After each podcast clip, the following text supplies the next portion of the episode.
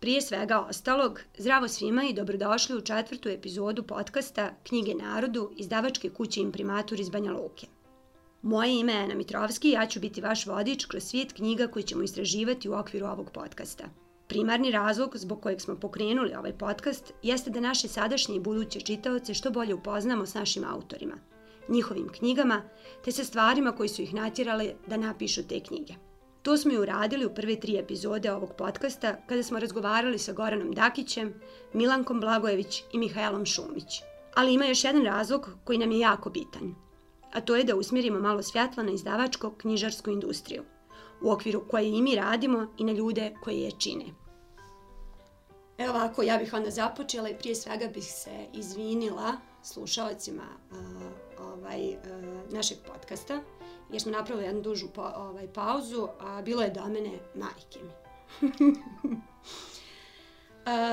jedan od tih ljudi je Miroslav Bojković, uh, vlasnik antikvarijata Ramajana. Miroslav nije samo knjižar, on je i pjesnik, kolumnista, a po struci je profesor filozofije. Miroslav je, možemo to slobodno reći, pravi čovjek na pravom mjestu. Dobar dan, Miroslave, kako si? Dobar dan, hvala. Dobro sam. S obzirom na sve okolnosti. na sve ove dobre okolnosti. S obzirom da mi podcast uglavnom snimamo subotom, iako to ono kao novinarski nije dobro reći, kada kad nemamo vremenske odrednice, ja bih to ipak uvela, ti si danas radio. Jesam, boga mi, do, do 15 časova. Kakav je provod u tvojoj knjižari? Kako, koji dan? Nekad bude ovaj, sjajnih ljudi, sjajnih situacija, nekad bude dosta mirno, a nekad bude i ovakovih koji dosta zapinju ovaj, što spominje ovaj, Orwell u, u svom eseju uspomene iz knjižare koje svako ko misli o knjižarama, o radu, knjižarama ili bilo šta treba obavezno da pročita. Pod jedan prva preporuka. E, ja bih ovaj, krenula na jedno pitanje konkretno. E, iako većina ljudi ga jedno prilično, e, da tako kažem, romantično viđenje rada u antikvarnoj knjižari, ti uvijek napominješ da je to prije svega i iznad svega trgovina, da ne kažem biznis. I to često je jako surova trgovina, zbog čega je to tako? Pa, nema neki jednoznačan ovaj, odgovor, ali može se u tome se od Orvela ovaj, dosta toga iščitat. Mislim, kod nas prvo privatni posao u jako siromašnoj zemlji je sam po sebi ovaj borba i sam po sebi je kako bi rekao, neka želja i volja pojedinca ovaj, da nešto uradi, da ne, ne, neku svoju priču, hajmo tako reći, izgura. Drugo, trgovina sama po sebi je, gdje god je novac, ovaj, tu je uvijek ovaj, malo zategnutije i nategnutije, a treće, živimo u zemlju koju ima, ne znam, parafiskalnih nameta, morate plaćati ono što vam piše u izlogu, ne znam, naziv vaše radnje, to se mora platiti, mora se platiti hiljadu stvari i morate jednostavno biti spremni da svaki dan komunicirate sa, sa toliko raznolikom publikom što može nekad ovaj, biti jako inspirativno, jako lijepo iskustvo, jako dobro i da ste vi poslije tog ispunjeni sretni, ali može biti onih ovaj potpuno oprečnih situacija ovaj da vas ljudi jednostavno E, pod navodnicima pregaze, da se morate baviti tricama i kućinama, da jednostavno ljudi vas nekad doživljavaju kao zabavljača, iako vi imate jako puno obaveza, jako puno vremena i slično tom, to je nešto što, što uzima jako mnogo vremena i što je u digitalnom dobu do, dodatni kako bi rekao, ne problem, nego dodatno usložnjava posao to što ja jednostavno odgovaram na 15 platformi. Ja odgovaram na poruke na Instagramu, na Piku, na Facebooku privatno, na Facebooku od knjižare, na mailove, na Whatsapp, na Viber, na fiksni telefon i tako dalje i tako dalje. Morate otvarati naloge za brzu poštu, morate pakovati poštu i onda jednostavno disperzija pažnje je tolika da nekad jednostavno ono, u 12 sati ili u 14 sati ovaj, u podne se počnete osjećati da vi više jednostavno niste upotrebljivi. Da vam, da vam je radni dan gotov i da vi za taj dan više nemate šta ni dati, ni reći, ni bilo šta drugo. Poprilično jedna, zapravo, kao, kao, kao, što je, ovaj, kao što sam malo prije rekla, surova trgovina. E, moram samo da ubacim jedno pitanje. E, ti si prije e, ove antikvarne knjižare koju, koju imaš. Uh, prodavao si prije knjige i baviš se knjižarstvom već dugo, dugo. Kaži mi, otkud je ono zapravo došlo da, da se tako izrazim, na, na, to, kako se došlo na ideju da to postane fizički prostor gdje ćeš prodavati knjige, iako si malo prije rekao da to možda i funkcioniše samo putem platforme. E, pa godinama sam išao na sajmove, ne znam, po Bosni i Hercegovini, ovaj, u Tuzlu, u Sarajevo, u Banja Luku, i slično tome. Ovaj, godinama sam prodavao i preko interneta, a najviše jednostavno ja sam imao veliku privatnu zbirku knjiga, veliku kolekciju. U nekom trenutku sam ovaj, izgubio jednostavno, ne znam, ljubav ili šta već za kolekcioniranje. Nisam više vidio u tom posjedovanju knjiga ovaj, nešto značajno i bitno za mene i onda sam tako počeo dok sam studirao kad god ovaj zafali malo para. Ovaj, onda je se to nekako pokazalo dobro, upoznao sam neke zanimljive ljude u Osijeku, Rijeci, u Zagrebu, u Beogradu. S njima sam počeo malo trgovati, tako je se to razvilo i došlo je do tog da jednostavno neki sljedeći stepenik mora da bude nešto više od internet prodaje i onda sam odlučio da, da vidim sve svoje knjige ovaj kojih ima jako mnogo ovaj poslagane na police. Kad sam ih poslagao, to mi se učinilo jako lijepo i romantično. I onda sam započeo i, i knjižaru i našao prostor i tako dalje i tako dalje. Mada vizija koju sam tad imao je bila mnogo romantičnija i mnogo zanimljivija nego od ove koju imam sada. Ovaj osam temu, osmom svemu tome. Da. Teorija jednova, iskustvo je nešto sasvim drugo. to, to uglavnom tako ide. Nažalost. Da. A možda i nije nažalost. Kao krenuo si putem uh, kojim se rijađe ide. da.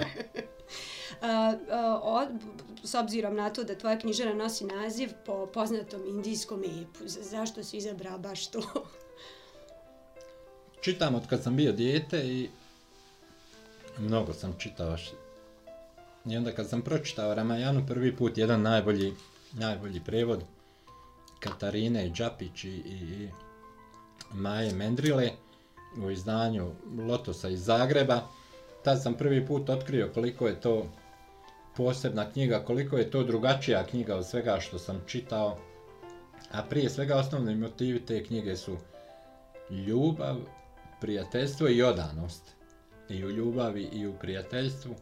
I to me jednostavno nadahnulo, taj prevod je toliko lijep, toliko muzikalan, toliko poseban i toliko drugčiji od svega što sam čitao, da jednostavno zapadna književnost mi je potonula, izgubila je ono, ono nešto što sam imao do tada, osim možda, možda zlih duha i, i Dostojevsk, od Dostojevskog i ispod vulkana, od Malcolma Laurija i to je bilo to.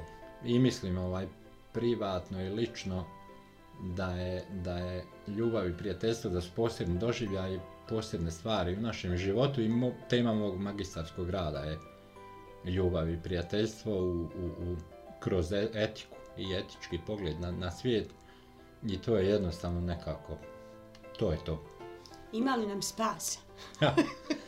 uh, veoma, veoma složeno veoma složeno i teško pitanje ovaj, ne znam na, na koji aspekt misliš. Mislim da, da, da svako pojedinačno ima neku tačku oslonca, ovaj, kako bi rekao Pascal, i nešto za što se treba uhvatiti, nešto čega se treba držati, što će ga održati i komad zra, zdravog razuma i sve ostalo. E sad ako izgubimo, ovaj, kako kaže Hans Sedlmajer, Uh, ako izgubimo ovaj središte, onda nam se loše piše, ali mislim da ima svakako. Mislim da je čovjek dovoljno jak i dovoljno sposoban da može ovaj naći svoje mjesto pod suncem i u najgorim okolnostima. E, recimo tako, nadam se da ne zvuči romantično. Zvuči običavajuće. zvuči dobro. Uh, kaži mi kako izgleda tvoj dan u tvojoj, uh, mimo ono, antikvarijata, nego prosto ono, ti si opet neko ko, ko, ko uh, toliko i drugih stvari radiš mimo toga da ti budeš tamo i prodaješ svoje knjige i ono što moram da naglasim što mi se posebno dopada u tome svemu jeste ta jedan neposredan način na koji to radiš i uh, uh, dobro s obzirom sad na ovu situaciju svu, ali ovaj, mm, to je zapravo i neko mjesto druženja što je onako rijetko. Pa da je, jeste, to je ovaj, dobrobit knjižarstva i dobrobit knjižare i uopšte je ta da vi upoznate sve najposebnije ljude u svom životu poznao sam preko knjiga. Ženu koju sam najviše volio upoznao sam preko knjiga, sve jako dobre i važne prijatelje upoznao sam preko knjiga. Ne da hoću reći ovaj naglas važnost knjiga, nego uopšte mislim u mom životu je tako to teklo. Tako da, da je s te strane važno i knjižarstvo i knjižara i sve. A kako dan teče kad sam u knjižar nekad radni dan zna biti da ne znam ustanem u pet ujutru i da od vjermana za banku do ispunjavanja mislim morate to isto je, je jedna, jedan od nedostataka tog posla da vi morate vod pet trgovačkih knjiga da morate uvijek sve imati uredno i to to je, to je neka otežavajuća okolnost. Nekad sam jednostavno aktiviran 18 sati dnevno oko knjižare, oko nabavke, znate, nabavljate. Nažalost, Bosna je i siromašna knjigama, izdavačima bila i prije rata i poslije rata, tako da teško je ovdje bilo šta nabaviti i slično tome. Nekad bude i jako zadovoljavajući, nekad i uzmem slobodnih dana, to je neka prednost ovaj privatnog posla pored svih ovaj negativnih strana da možete jednostavno želim da se isključim dva dana ne mogu više nikog da slušam ni da vidim i da se posvetite ne znam sebi čitanju i ne znam prirodi ljudima oko sebe i slično tom da odete negdje gdje vam je dobro gdje vam je lijepo a nažalost sad od, od korone od tog nekog marta ove godine morate raditi, to je ono racionalno nešto, morate raditi duplo više za, za isti rezultat koji ste postizali, ne znam, u prethodnoj godina, da ne kažem prije pet godina, dok je još Bog hodao po zemlji za knjižare, ovaj, kad je to bilo sve puno jednostavnije i puno lakše. znači, bilo ga i u tom. Bilo je, bilo je definitivno, da. Oj, ti slabo ne zapali cigaretu, dok ja postavljam pitanje. ovaj, um, s obzirom da tvoj prostor, oni koji nisu bili, trebaju definitivno da odu, uh, je poprilično mali. I na koji način ti zapravo uh, pronalaziš sve te naslove koje ljudi traže i ono jedno običajno pitanje, to je što najčešće se prodaje danas?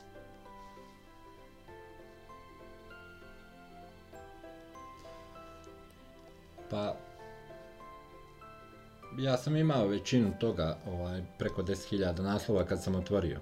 Mislim, to je i bila neka inicijalna osnova, bez te neke osnove ne bi bilo moguće raditi. Ovaj,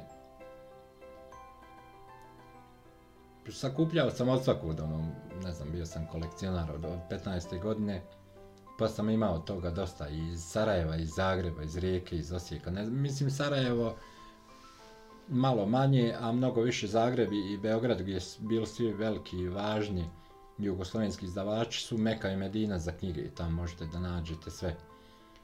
I dan danas imam, ne znam, dobre odnose sa svim tim ljudima iz raznih antikvarijata, sad je to od korone dosta otežano, dosta komplikovanije za nabaviti doći do tih knjiga jer se ne može preko granica i skupo je da vi idete sad često, ne znam, u Beograd ili u Zagreb, nebitno da plaćate sve te testove i sve te puteve i putarnje i sve ostalo, ali to je, mislim, tamo je jedini, jedini izvor, ono što ima u Bosni i Hercegovini je izdavaštvo, jako siromašno i sve ostalo, tako da Pa da, to, to, to svakako. Pitala sam te isto za naslov koji ljudi najčešće traže. Zapravo šta naj, ono, najviše ljudi čitaju danas? Tina, pa najviše u svim knjižarama, bez obzira da li su no, knjižare, mislim, ima u Sarajevo jedan izdavač koji ima e, svoju knjižaru, i, a ovdje, pošto ja sve te ljude jako dobro znam i srećemo se na dnevnoj ili na sedmičnoj bazi više puta, najviše se prodaje ono, klasika, lektire, mm E, društvene nauke su dosta, mislim iz društvenih nauka se prodaju neki klasici, ne znam, jedna knjiga od Kanta, je, iz istorije nekoliko knjiga, nekoliko knjiga od Platona i to, to je nešto što redovno ide, ide recimo od Froma u Mijeći ljubav se uvijek prodaje ili imati ili biti u malo manjoj količini, ali prodaju se svi ostali naslov manje više, ali mislim kapitalizam je uništio društvene nauke, društvene nauke nemaju više nikakav ni uticaj, ni, važnost u društvu ovom kako jest, najviše književnosti i, i često kad neki pisac objavi neki roman, to se zna dosta prodavati. Ne znam, kad dobije ni novu nagradu, mada i to zadnje dvije, tri godine nije kao što je bilo prije pet godina. Ni, ni, ni nova nagrada nema više utjecaj koje je imala. Ali to je neki klasici iz književnosti i iz svih oblasti u stvari. Iznenadili se koliko se uh, prodaje Apsen iz koji je, ne znam, doktor za matematiku ili neke knjige iz mašinstva, neke knjige iz medicine, ali to su sve ono po dva, tri, na, ne znam, anatomski atlas od Granta ili tako nešto, neki naslov nekih naših izdavača, ne znam, i srbijanskih i, i hrvatskih, redovno se traži, ne znam, od Klija, od Mediterran Publishing, ali to neki manji opseg naslova dok književnost jednostavno i hitov i lek, ne znam, od Don Kihota do pustolovina Toma Sawyera, to je nešto od naših pisaca, ne znam, Crnjanski se dosta traže, Andrice naravno uvijek traži Meša, se uvijek traži Jergović od ovih nekih savremenih, malo više od ostalih, ali kad je ono in, kad dobije nagradu ili objavi novi roman i ne znam, i Draško Sikimić i Kimić, Damir Karakaš i slično tome. Da, da, da. To je uglavnom da neka, neka osnova. Posle nekad su bili riječnici, njemački posebno, sad više nisu riječnici i enciklopedije su potpuno, e, potpuno, kako bi rekao, ne može se reći prevaziđen, nego su potpuno zaboravljeni. Ovaj, vjerovatno utjecajem interneta i svega ostalog. Prijatelj koji je profesionalni prevodioc sa engleskog mi je rekao da on fizički rešnik nije uzeo u ruke ono 20 godina, završio je filo, filologiju prije 30. Jednostavno otvori i kaže šest rečnika ono, preko interneta i dok prevodi neke filozofske ili neke ozbiljne teške knjiže na djela jednostavno koristi ti šest rečnika online i, i to mu je dovoljno znači digitalizovani smo ovaj, kompletno. Ali mislim možda i taj moment sad, e, spomenuo smo malo prije rječnik Njemačku kako je prije čitan, možda svi ti ljudi su otišli, pa onda više nemaju ni potrebu da čitaju riječ, to jest rječnike.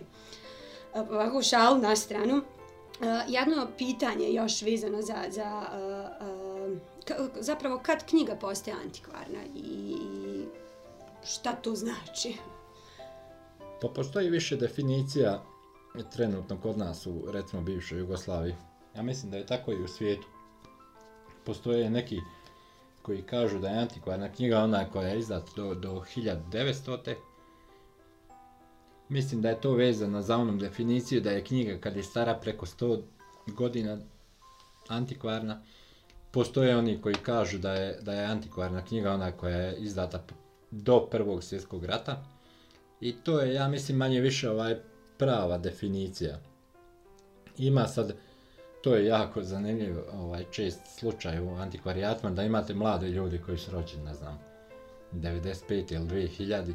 ili ne znam, 92. nebitno, koji misle da je, jed, nedavno mi je momak pisao, kao ima knjige na, slovensk, na slovenskom, slovenačkom, koje su izdate 70. i neke kao stare su 50 godina i kao šta vi mislite koju ima vrednost, rekao pa jed, po jednu dve maraka, ma kao vi mene zezate. No rekao ne zeznam vas, to je tako. ovaj, da, da, ali antikvarna knjiga, mislim, prije, prije prvog svjetskog rata to je ono što je nešto što možete eventualno prodati ili eventualno, ne znam, možete od Andrića prvo izdanje, ne znam, ja imam Exponto koji vredi 100 eura, ne znam, imate ponešto recimo od Jergovića što je ranije ili knjige koje su, koje su sa potpisom autora, to može da vredi i da se tretira kao vrednije, a, a sve ostalo je manje više. Tako je to da znate ako imate nešto vrijedno. Dost, da, sve ostalo je dostupno, pristupačno i malo od toga se, posebno u Bosni i Hercegovini, mislim vi imate to tržište u Zagrebu, ja znam da postoji u, u recimo na Zagrebačkom sajmu Interliberu se, dok je bio u, u 11. mjesecu, organizuju prodaje antikvarnih knjiga par excellence antikvarnih i onda tu dolaze ljudi iz Italije, iz Njemačke, iz Austrije, iz Mađarske. Recimo ono što je isto jedna zanimljiva stvar je da u Budimpešti imate 150 antikvarijata u Zagrebu recimo imate 10, možda i 12, ovaj, a dok kod nas u Bosni i Hercegovini to nije, to tržište nije zastupljeno i vjerovatno ljudi kojih ima veoma malo kolekcionara i slično tome ovaj, ne traže knjige kod nas, već znaju već gdje ih mogu naći u Zagrebu, Beogradu, u Njemačkoj, u ne znam, Danskoj, Holandiji i tako dalje i tako dalje. Znači naše tržište onako za, za antikvarne knjige baš nije pogodno da ne kažem, da. Da, nije adekvatno u svakom slučaju, mislim. Nažalost, ovaj, Bosna nije mjerlo bilo čega. Da. uh, kaži mi, koja je tu prva knjiga koju si kupio i koju nikada ne bi prodao? Pa ja kad sam izgubio neku ljubav prema kolekcionarstvu i prema posjedovanju stvari uopšte, ovaj, otad nešto ne polažem, uh, mnogo računa, ili kako bi rekao, mnogo ovaj, ljubav prema tome, ima ono, više vjerujem u tu neki protok energije. Upoznao sam dosta ljudi preko sajmova i ovako, ne znam, iz Tuzle, iz Bijeljine, iz Sarajeva, iz Neuma, koji mene redovno šalju neke knjige koje on pročitaju, oduševe se, ja njima šaljem. Uh, ne znam, i mi smo objavili neke knjige, ono, Karla Jaspersa, e, Marka Aurelija i slično tom koji im redovno šaljem i koji im se ono duševljavaju i meni neke nove vidike otvaraju i u književnosti, i u filozofiji, to je ono što mene najviše zanima i u eseistici i slično tome i to me usrećuje, a nemam nešto što, što me sad ima mnogo prvih izdanja, ima mnogo vrednih knjiga, imam prvu enciklopediju koja je objavljena na području bivše Jugoslavije 1730. U koju nisam nešto posebno zaljubljen, više sam zaljubljen, recimo imam tetovirani život od, od Pitera Sloterdika, koju sam ja nekad poklonio prijatelju s kojim sam studirao, prije ne znam 15 godina, a to je ovo knjiga je objavljena 1990. nije tako davno, a onda je on poklonio jednom svom prijatelju, taj prijatelj je meni nakon nekoliko godina poklonio tu knjigu sa mojim potpisom, od uzada je tu sam knjigu sad ostavio i ne bi je nikom dao, a nemam, nemam nešto, mislim imam knjiga koje, koje volim, koje su mi značajne, ali nije to ništa sad, nema nikakve ekstravagancije ili, ili posebne, posebne vrijednosti osim te neke emotivne, neke... Mm ljudske dimenzije, ne znam šta. Puno mi je važnija, ne znam, ovo izdanje samom sebi koje smo uradili, samom sebi ima u Jugoslaviji nekoliko izdanja, ali to mi je puno draže nego bilo koja knjiga, ne znam, imam i Exponto od Andrića, ovaj prvo izdanje, ali nije mi, nije mi tako draga, ni, ni značajna, imam e, zvirku poezije Tomasa Cernsa Eliota, jedina knjiga, recimo, koju sam nosio kad sam išao u Indiju sa sobom, imam jedno izdanje Spasenje od Česlava Miloša koju sam dobio 96. koja mi je isto mnogo značajnija nego ne znam te enciklopedije koja vredi 2000 eura i tako dalje i tako dalje. Jasne, jasne, jasne. Iz tog razloga si izabrao svoju magistarsku tizu. pa, e, recimo, uopšte, mislim i s obzirom da sam odrastao u ratova i da sam bio dijete za vrijeme rata i slično tome i prisustvao sam uh, nasilju velikom i znam šta je nasilje i slično tom mislim da je ta magistarska teza možda i doktorska ako poživim do tada ovaj, će biti o tome iz tih razloga više jer znam koliko je ta potreba za praštanjem i ne znam potreba da imaš neko utočište mnogo važnije od bilo čega drugog to je jednostavno tako prije ili kasnije dođemo do toga ima jedna zanimljiva situacija vezana za ovaj 11. septembar u Americi, ili je 9. septembar, novembar. da. Ovaj, gdje ima jedan psiholog američki koji kaže, pošto je on imao, ne znam, veliku školu ovaj, gdje je predavao i, i mnogo, kako bi rekao, ovih eh, svojih pacijenata. Pacijenata, da. Ovaj, koji kaže da je imao je pozive 5 minuta prije nego što sti neki avion srušen i svi su ga zvali ili njega ili ima zapise koji su zvali svoje roditelje, svoje supružnike, svoju djecu i ne znam ljude koje vole da im kažu da ih vole. Nisu im znači zvali ni da kažu kolika im je rata kredita, ni da kažu ne znam da imaju kuću ni da pazi na kući ni na oni, već sam pošto im nisu dugo rekli da ih vole da im to kažu, tako da u biti ima i Bertolt Brecht jednu pjesmu, ovaj, pjesma koju nisam rekao majci, ili tako, e, riječ koju nisam rekao majci, koje govore upravo o tom, da u tom zadnjem trenutku Bertolt Brecht, mislim to je pjesma po, po zaista po, po, po nečem što je se desilo, da je majku, majci pisao da, da je voli, da, da joj se izvinjava i slično tome da nije važno sve ostalo nažalost, često, često propustimo te prilike i u život sve doživljavamo i proživljavamo zdravo za gotovo nekako. Kad je neko tu, pa haj ti tu, pa možemo se i svađati, možemo i nisi ti bitan dok tog nekog ne izgubiš. E to je nešto što, što, što čovječanstvo propušta i što... Da, da, to je nekako u ljudskoj da, ono, da. narav, da ne kažem. Ali nažalost to valjda tako uvijek ide, da je potrebno da se desi neke ružne stvari da bismo bili svjesni trenutka u kojem smo zapravo da, prethodno da. bili. Pa kao da. i ova, možda nije baš dobro poređenje, ali ova situacija sa ovom bolešću koja se dešava.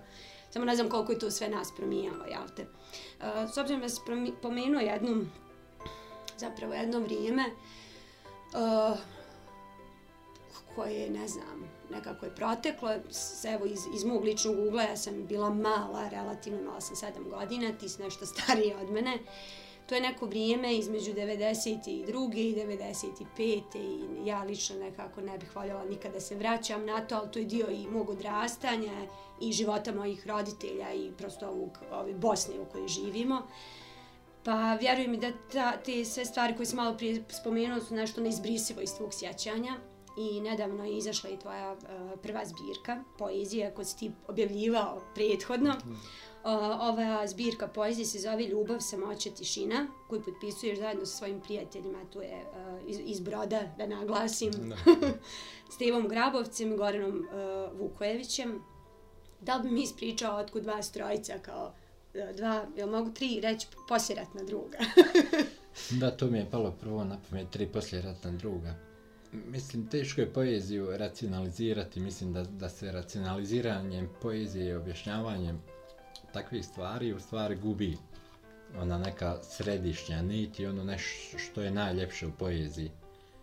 Ali eto jednostavno ja s Goranom sam razmijenio u životu nešto, nešto duboko i sa Stevom isto tako znamo se bez obzira pff, možda i da nismo iz istog mjesta možda bi to ovaj, isto tako urodilo nekim ovaj, dubokim plodom ali jednostavno pa jednostavno tri iste, tri iste ili slične osjećajnosti.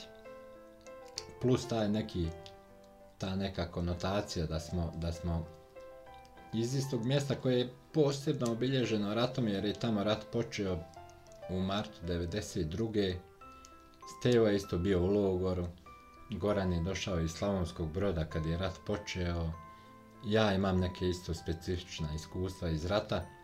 I jednostavno tako je se potreflo u nekom trenutku života, ja i Steo se sad ovdje u Banja Luca ovaj često nalazimo i često se družimo i onda proljeto sjećam se kao sad trenutka kad ja i Stevo sjedimo kod mene u stanu na sedmom spratu u Goriku i gledamo panoramu Banja Luke i on priča kako je nešto napisao i ja njemu kažem a i Goran mi je tih dana smo jednostavno valjda je tako bilo, razmenjivalo dosta tekstova, dosta pjesama i Goran je men slao i ja Stevi, Stevo, meni, Stevo, Goranu i slično. To mi onda meni je kliknulo u glavi, rekao hajda, ono zajedno nešto, no to je nešto, sve se oslanja jedno na drugo i sve nekako, sve se nadopunjava, sve ja Stevine misli, Stevo moje, Goran Stevine i slično tome, ovaj, i slične su i poetike, mada naravno svako ima svoj izričaj, kako, kako kaže i Oto Horvat, za tu knjigu svako ima svoju neku poetiku izgrađen, a opet sve u, u, u kombinaciju nekom, kako bi rekao, zajedno sve dobro funkcionišu.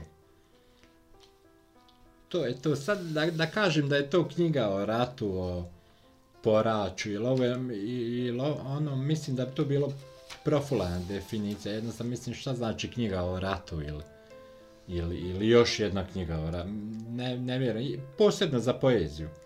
Poezija je jednostavno ili je čitljiva ili nije čitljiva. Ako je čitljiva, onda je to poezija, ako nije čitljiva, onda to nije poezija. I to je to, ono. O, bilo, bilo koja da je tema, mislim. Ili, ili ima nešto univerzalno i lijepo, ili nema, i to je tako. Ja dok sam čitala, s obzirom na to da sam pročitala sva tri dijela ovaj, ove knjige, koja je, da kažem, e, za slušaoce, koji se nadam da će pročitati ukoliko nisu. E, knjiga se sastoji iz tri dijela, zapravo svaki, svaki dio ima po nekoliko pjesama, tvoje, tvoje se nalazi na posljednjem dijelu, ali ne naj, ovaj, kako bi rekla, ne manje važnom. E, meni je, na primjer, taj dio koji si ti pisao i na koji sam posebno obratila pažnju, bila mi je nekako poezija koja me Ono, bila mi je poezija u ljubavi zapravo. Zapravo stvarima i onim stvarima koje tište i mene i moje drugare i tište nekako univerzalna i iz tog razloga mi je ono, legla na prvu. Zanimljivo je također e, da u ovoj zbirci jako pohvalno su izrazili neki tebi bliski ljudi, a to su Darko Cvjetić, Tanja Stupar, Trifunović i Oto Horvat. I zapravo koliko ti je značila njihova podrška? Pa ja to nisam doživio kao, kao podršku nekako, sam to doživio kao prirodan slijed stvari. Kad sam pročitao roman Sabo je stao dota Horvata, jednostavno sam osjetio neku bliskost ovaj, s njim i mislim da se s njim razumijem, iako se nikad nismo vidjeli, bolje nego sa, sa većinom ljudi koji znam čitav život.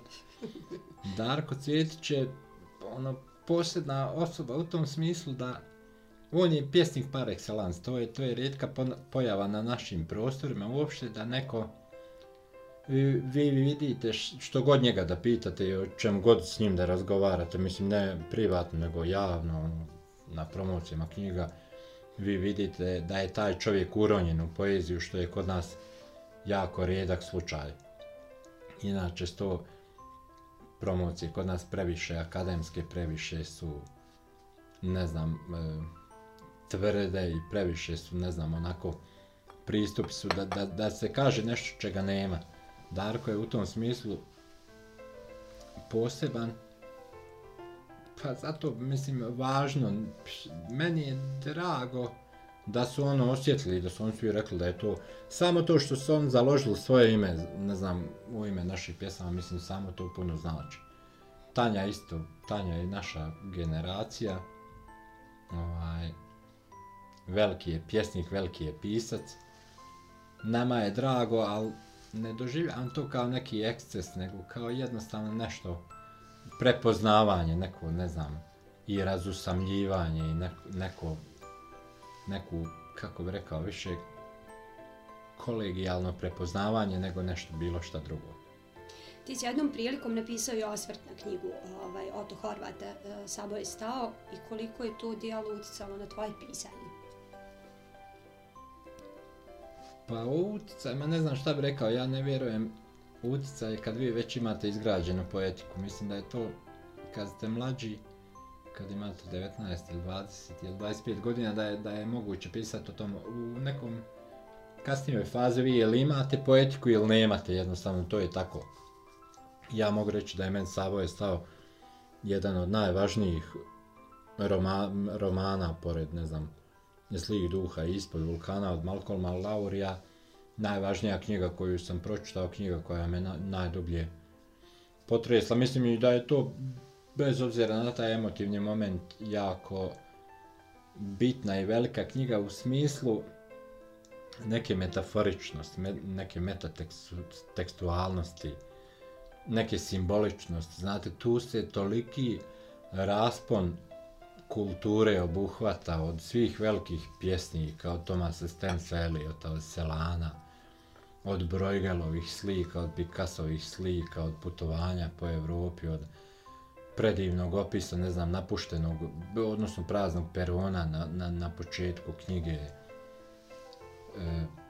tu je onda upletena izbirka poezije koju je pisala njegova supruga koju, koja je napustila tijelo od raka sa 45 godina, koja je izbjeglica iz Sarajeva, koja je primljena kao asistent u Novom Sadu na fakultetu, koja je pisala doktorat o Elijatovoj poeziji.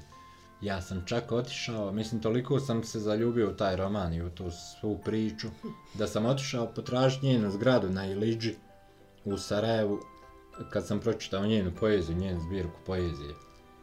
Ova, I našao sam i to i sjeo sam na, na, na klupi za njene zgrade da pokušam osjeti sav taj i roman Sabo je stao u nekom novom svjetlu i njenu poeziju i Otovu poeziju jer Oto je prije svega pjesnik. Tako da to je za moj lični univerzum jako bitna knjiga. A uticajima, mislim, ja bih volio da, da može neko uticati, ali ne može na vas uticati niko ako vi nemate u sebi nešto da kažete ili ako vi nemate taj neki e, moment i talenta i truda i rada i iskustva i svega drugog možete vi čitati što, što hoćete i možete vi ići gdje hoćete, ali ako ne, nema u vama nešto uzaludno sve jednostavno. Tu, tu se mora potrefiti iskustvo, trenutak, talent, volja i sve ostalo da bi to funkcionisalo sve skupa zajedno. Da, da bi imalo smisla. Da. Uh, uh, prosto moram da pitam tu još jedno pitanje dodatno na ovu priču, a to je da li smatraš s obzirom na, na tvoj položaj, uh, uh, da ne kažem u društvu i nekoga koje je poprilično, znači, tam čak kad te slušam, budem negdje malo neprijatno šta sve nisam pročitala, a ono kao čitam do, dosta.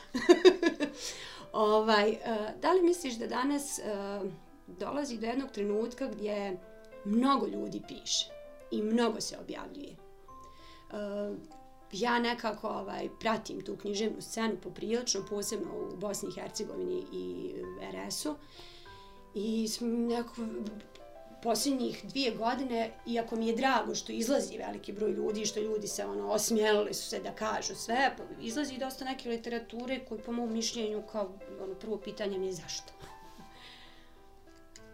Pa mislim da ima toga i kod, kod nekih, ajmo reći, velikih komercijalnih izdavača, da se neki ljudi guraju u prve planove iz Bog zna kojih razloga. Mislim da je to to što, što, što financira neko sa strane. Mislim da ima ono što, što Miljković kaže, poeziju će svi pisati. Mislim da to je svakako u nekom pežorativnom smislu ovaj, nagrađivanje neke kulture i slično tome.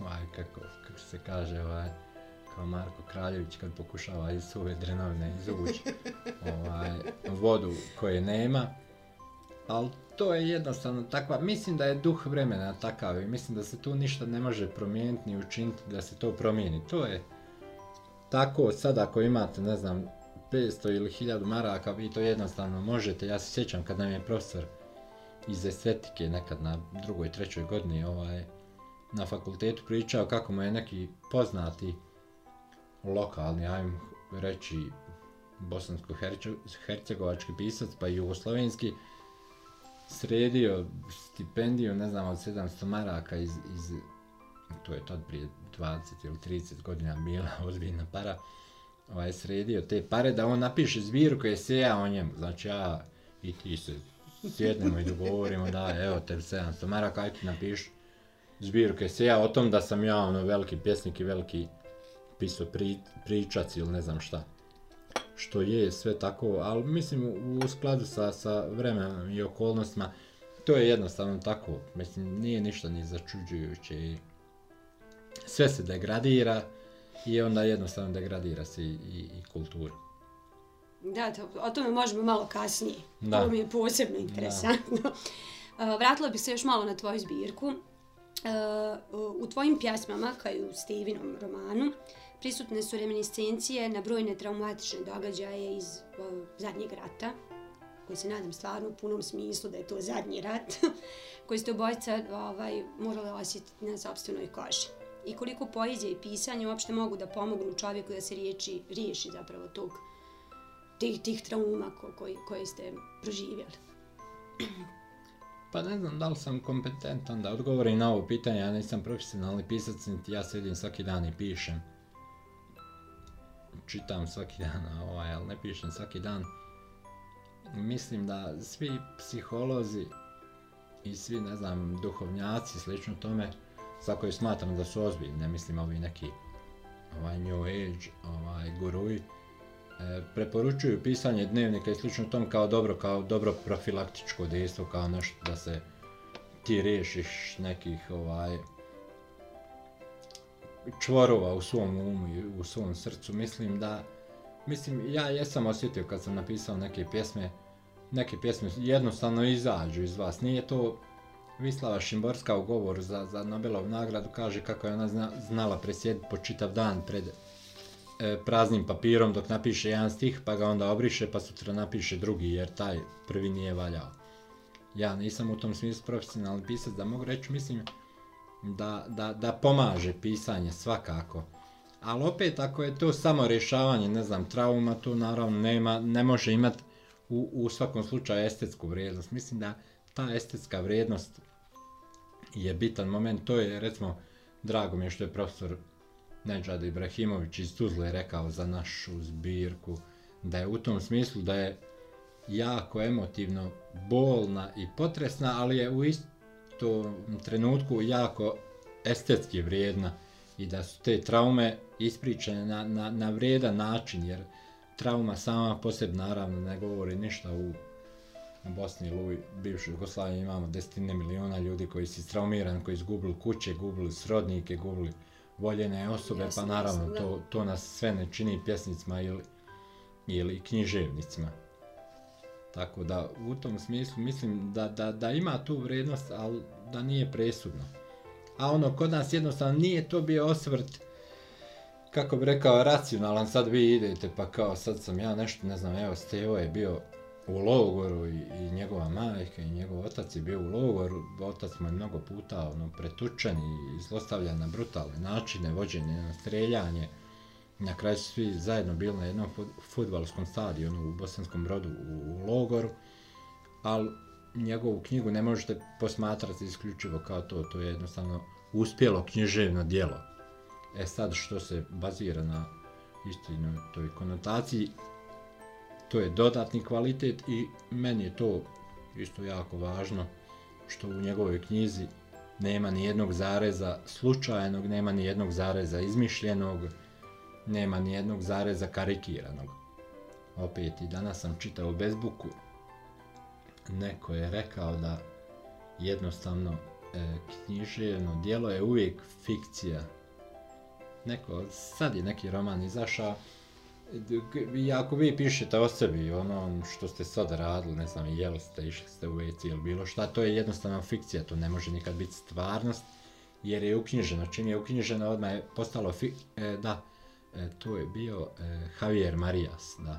O Javieru Mariasu je bila riječ ovaj, o njegovom novom romanu i on kaže to jednostavno, roman je uvijek fikcija, ali mislim da taj neki stvarnostni moment svima nama kao ljudima, koliko god se mi pravili stručnjaci za književnost, za teoriju književnosti ili ne znam šta za estetiku, ipak taj moment negdje ipak i prelomi, kao što je mislim i za film Another Round, uh, recimo meni se uopšte ne dopada, mislim da je dosta iskarikiran, mislim da je loš, ali evo, većina kritičara i tih nekih žirija, to što je e, Winterberg izgubio kćer, stavljaju u prvi plan.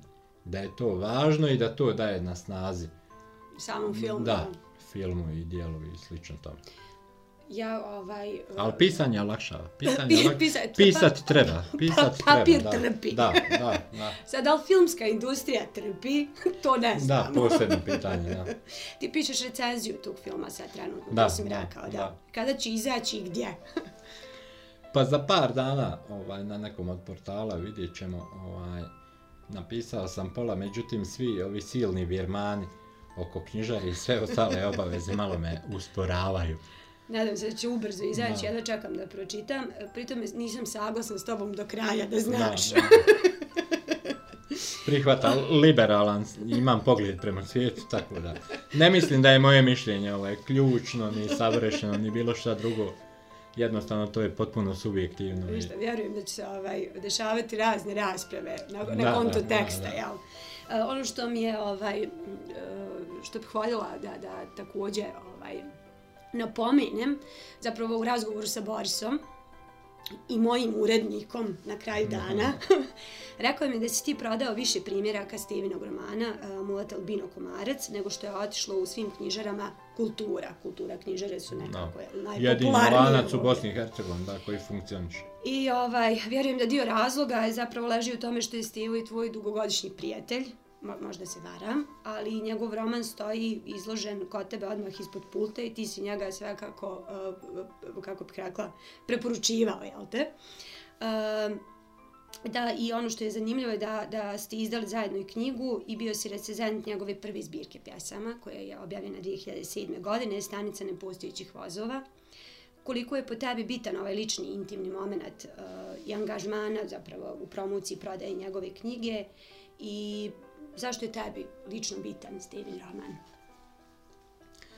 Pa iznenadili se kad bi znali ovaj koliko je zapravo ljudi dođe u knjižaru i traži preporuku. Ni, imate dosta kupaca koji znaju tačno dođe sa spiskom od 1 do 5, jel trebaju tu knjigu. Svi zaista ljudi dalje pravi spisak za knjigu. Da, da, definitivno. Opa, to je dobre, da, dobra stvar. Da, ovaj, e, a imate ljudi koji jednostavno traže preporuke ja sam preporučivao i svima sam naglašavao, recimo, mnogo ljudi zbog tog nije kupilo, kad sam rekao da je emotivno zahtjevan, da je emotivno težak roman, da je istinta priča i slično tome, mislim je, je važan taj neki e, subjektivni lični angažman, ali opet ne možete se angažirati oko nečega, recimo imam mnogo pisaca u Banja Luci, mislim nekih koji objavljuju svašta nešto i pišu i čije, ali čiju knjigu nema šanse da prodate ni, ni za dve marke jednostavno. A Steven roman ima i kvalitet, prepoznat je, je i taj naš lični angažman, ali mislim da nije presudan taj, to nešto što, ne znam, ja znam Stevenu priču, što ja znam kako je Stevo živio i prije rata i u ratu i poslije rata i kako je prošao njegov otac koji je vođen za streljanje i njegova majka i slično tom. Uh, I ne znam, ta neka jedna scena koja je meni najvažnija u tom romanu, koja govori, s obzirom da sam i ja iz ratnog područja i, i, i dobro razumijem te, te ratne odnose, kad recimo njegove komšije nakon mjesec dana od početka rata svate jer srel s njegovom majkom na, na, na, na stubištu zgrade da on nemaju šta da jedu već sedam dana i onda mu donesu, ne znam, lupam 50 kila hrane, ili ta scena za koju znam da je istinta kad e, kombi iz pekare doveze 10 e, gajbi kruha, vrelovog, svježeg, a on živi recimo između 5, 6, 7, 8 zgrada koje su tako 5, 6 e, pratova, tipično komunističko socijalno naselje, i sad vojska Hrvatska dijeli taj kruh i stari njegov se boji da izađe, majka se isto boji, da ih ne pitaju za ličnu kartu ili bilo šta i on kao dijete jednostavno je gladan i izađe, to znam da je istinit moment, i uzme 3-4 kile kruha, vrati se nazad na prvi sprat u zgradi svojoj i proguta odmah pola kruha. Zna, ne znam, ta scena me vredi više nego pola naše domaće književnosti, zato vjerujem da treba to, to da dođe do ljudi, do, do, do čitavoca i slično tome, ne samo što je što ja znam Steve, mislim da ga znam da je napisao loš roman, ja bih mu rekao jednostavno napisao si loš roman, nemoj to prodavati, nemoj se brukati sramoti. To ovako, te neke sitnice mislim da govore više o nečemu, a naravno roman je potpuno estetski uspio i to je jako važno, bez obzira na iskustvo jasno, svakako. Svakako, tu dijeli mišljenje. tako, tako da taj neki subjektivni angažman jest, jest bitan, naravno, ali nije, nije presudan. Jer ima isto tako neki stvari koje sam ja, koje se men dopale i koje sam pokušao, ne znam, da, da, da prezentiram, da, da, da podijelim s drugim, da, da im prodam u krajnjoj instanci da pričam kao trgovac, ali nisam uspio jer nije imalo tu neku krajnju, krajnju čaroliju ili vrednost ili kako bi rekao. Stevo je uspio u kompletnoj priči. Nadam se da će nastaviti tako i dalje. Da će nam pisati, s njim sam radila intervju prije možda pola godine i upravo smo pričali o ovoj knjizi i onako bilo je baš jedan od uh, ljepših intervjua koji sam vodila sa, sa nekim i, i bilo je vrlo emotivno i sad kad si spomenuo taj hljeb, ono došlo da se rasplačim doslovno. Uh, jer to su te situacije koje su bile česte i istinite zapravo. Ali ovaj, uh, voljela bih sad još malo da se vratimo mm -hmm. na mhm. tvoju knjigu i na, na, na eh, tvoju zbirku. Uh, ja sam izabrala, ako, ako mogu, ovaj, jednu pjesmu na koju bih voljela da se osvrneš, a ovaj, pročitat ću samo nekoliko stihova prosto da slušalci budu upućeni. Zove se Zbogom Mojsije. Dugo nisam bio ovako tužan nije to ona destruktivna razarujuća tuga. Samo plače mi se, opet ne zbog toga što mi je teško, već zbog suviše poezije u očima. Fantastično. um, otkud? Otkud to sve i kako, kako je teklo, da ne kažem pisanje? Vjerujem e, da je možda bilo čak i u dahu. Pa je, da, iako pjesma ima 5-6 strana, ona je tako, ovaj, nekako kompaktna cijelina što inače se ne uspijeva kad su duge pjesme, pjesme u pitanju ne uspijeva se održati ritam i sve to je bilo mislim neću reći mnogi pisci ovaj, se ovaj, ne vjeruju to, u to neko ovaj, više nadahnuće ali mislim da je taj trenutak bio nadahnuće neko više Mislim, poezija se jednostavno u vama kuva mjesecima, jednostavno se priprema, jednostavno vi vrtite misli, nevezano vi ste u banci, na, na, na kasi u supermarketu ili pričate s nekim s kim nemate nikakve zajedničke tačke o tricama i kućinama, o politici i glupostima, a u vama se nešto e, vrti i sprema i onda jednostavno tako i pjesma zbog Mojsije, ja sam sjeo, to je se dugo u meni pripremalo, I onda je, sjeo sam i izašlo iz mene. Mislim, suviše poezije u očima, mislim da, da je to današnji usud.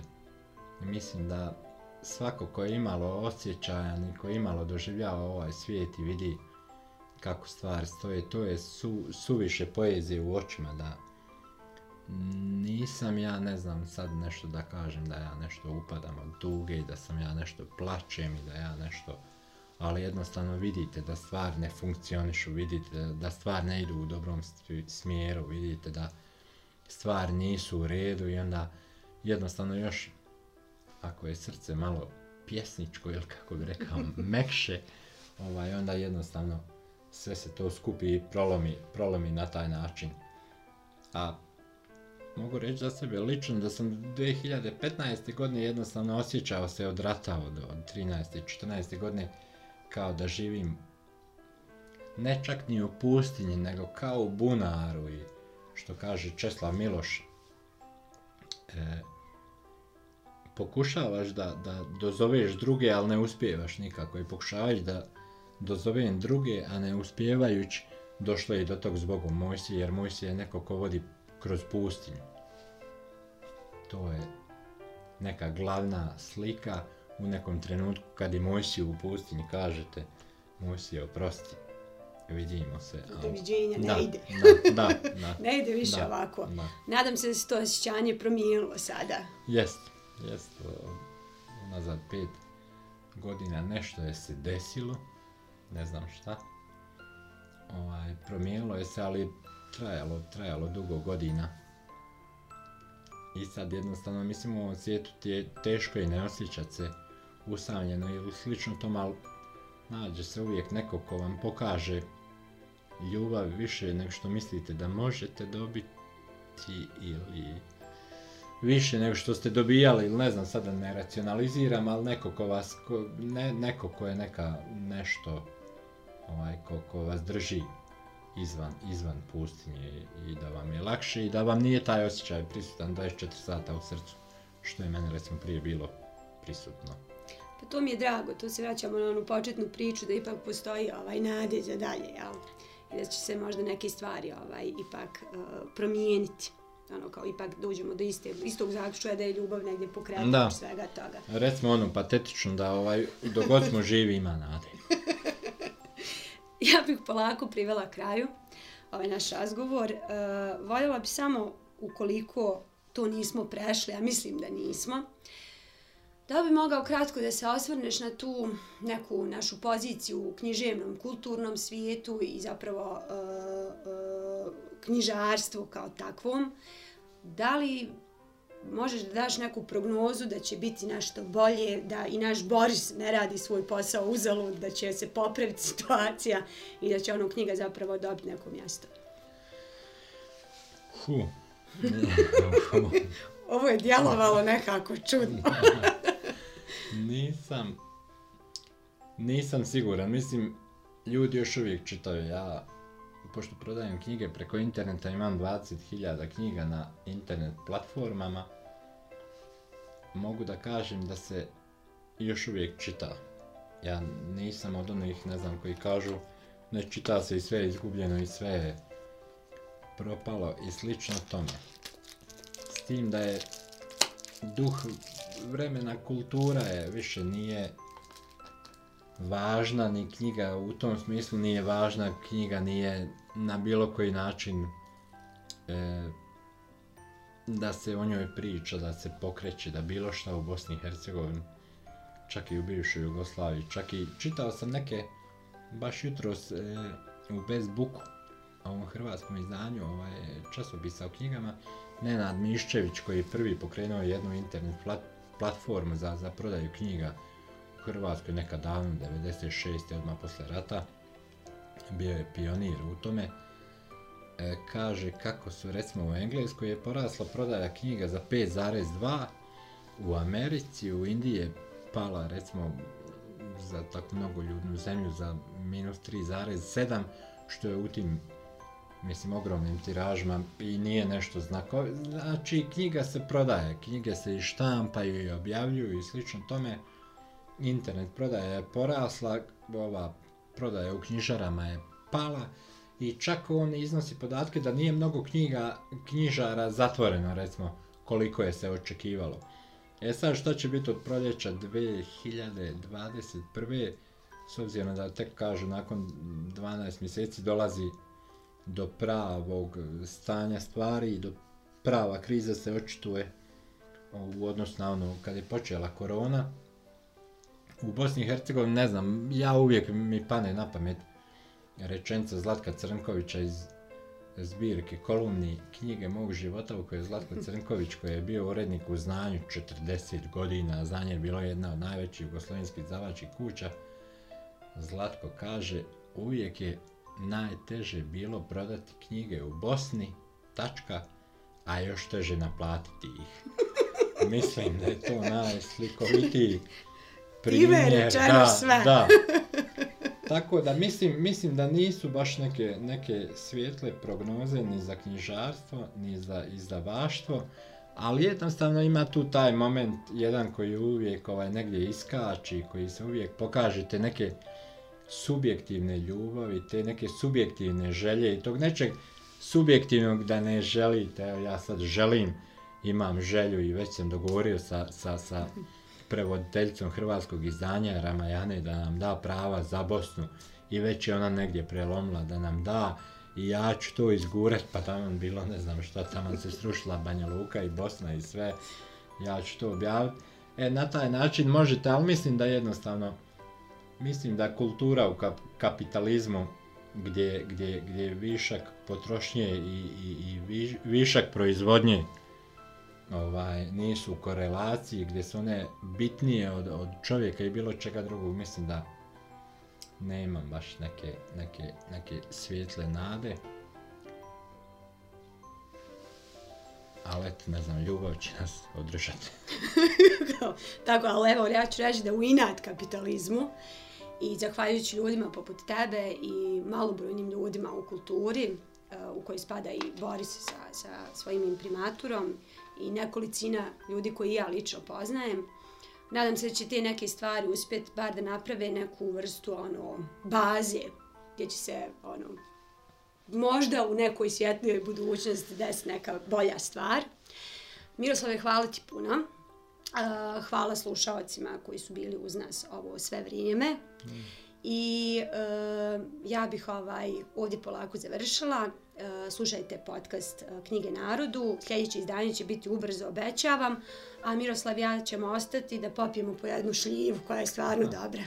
ja moram sam da kažem da mi nije jasno otkud Boris takav donkihotizam i da je to zaista jedna izuzetna i neobjašnjiva ljubav i takav ne, entuzijazam koji je teško ovdje objasniti, racionalizirati ili bilo šta, jednostavno ja ne znam, kad bi mogao ustanovio bi neku nagradu i dao bi nagradu, ali još uvijek ne mogu. Ništa, za Borisa, da se kucnemo. Živio Borice i do slušanja. Je, hvala.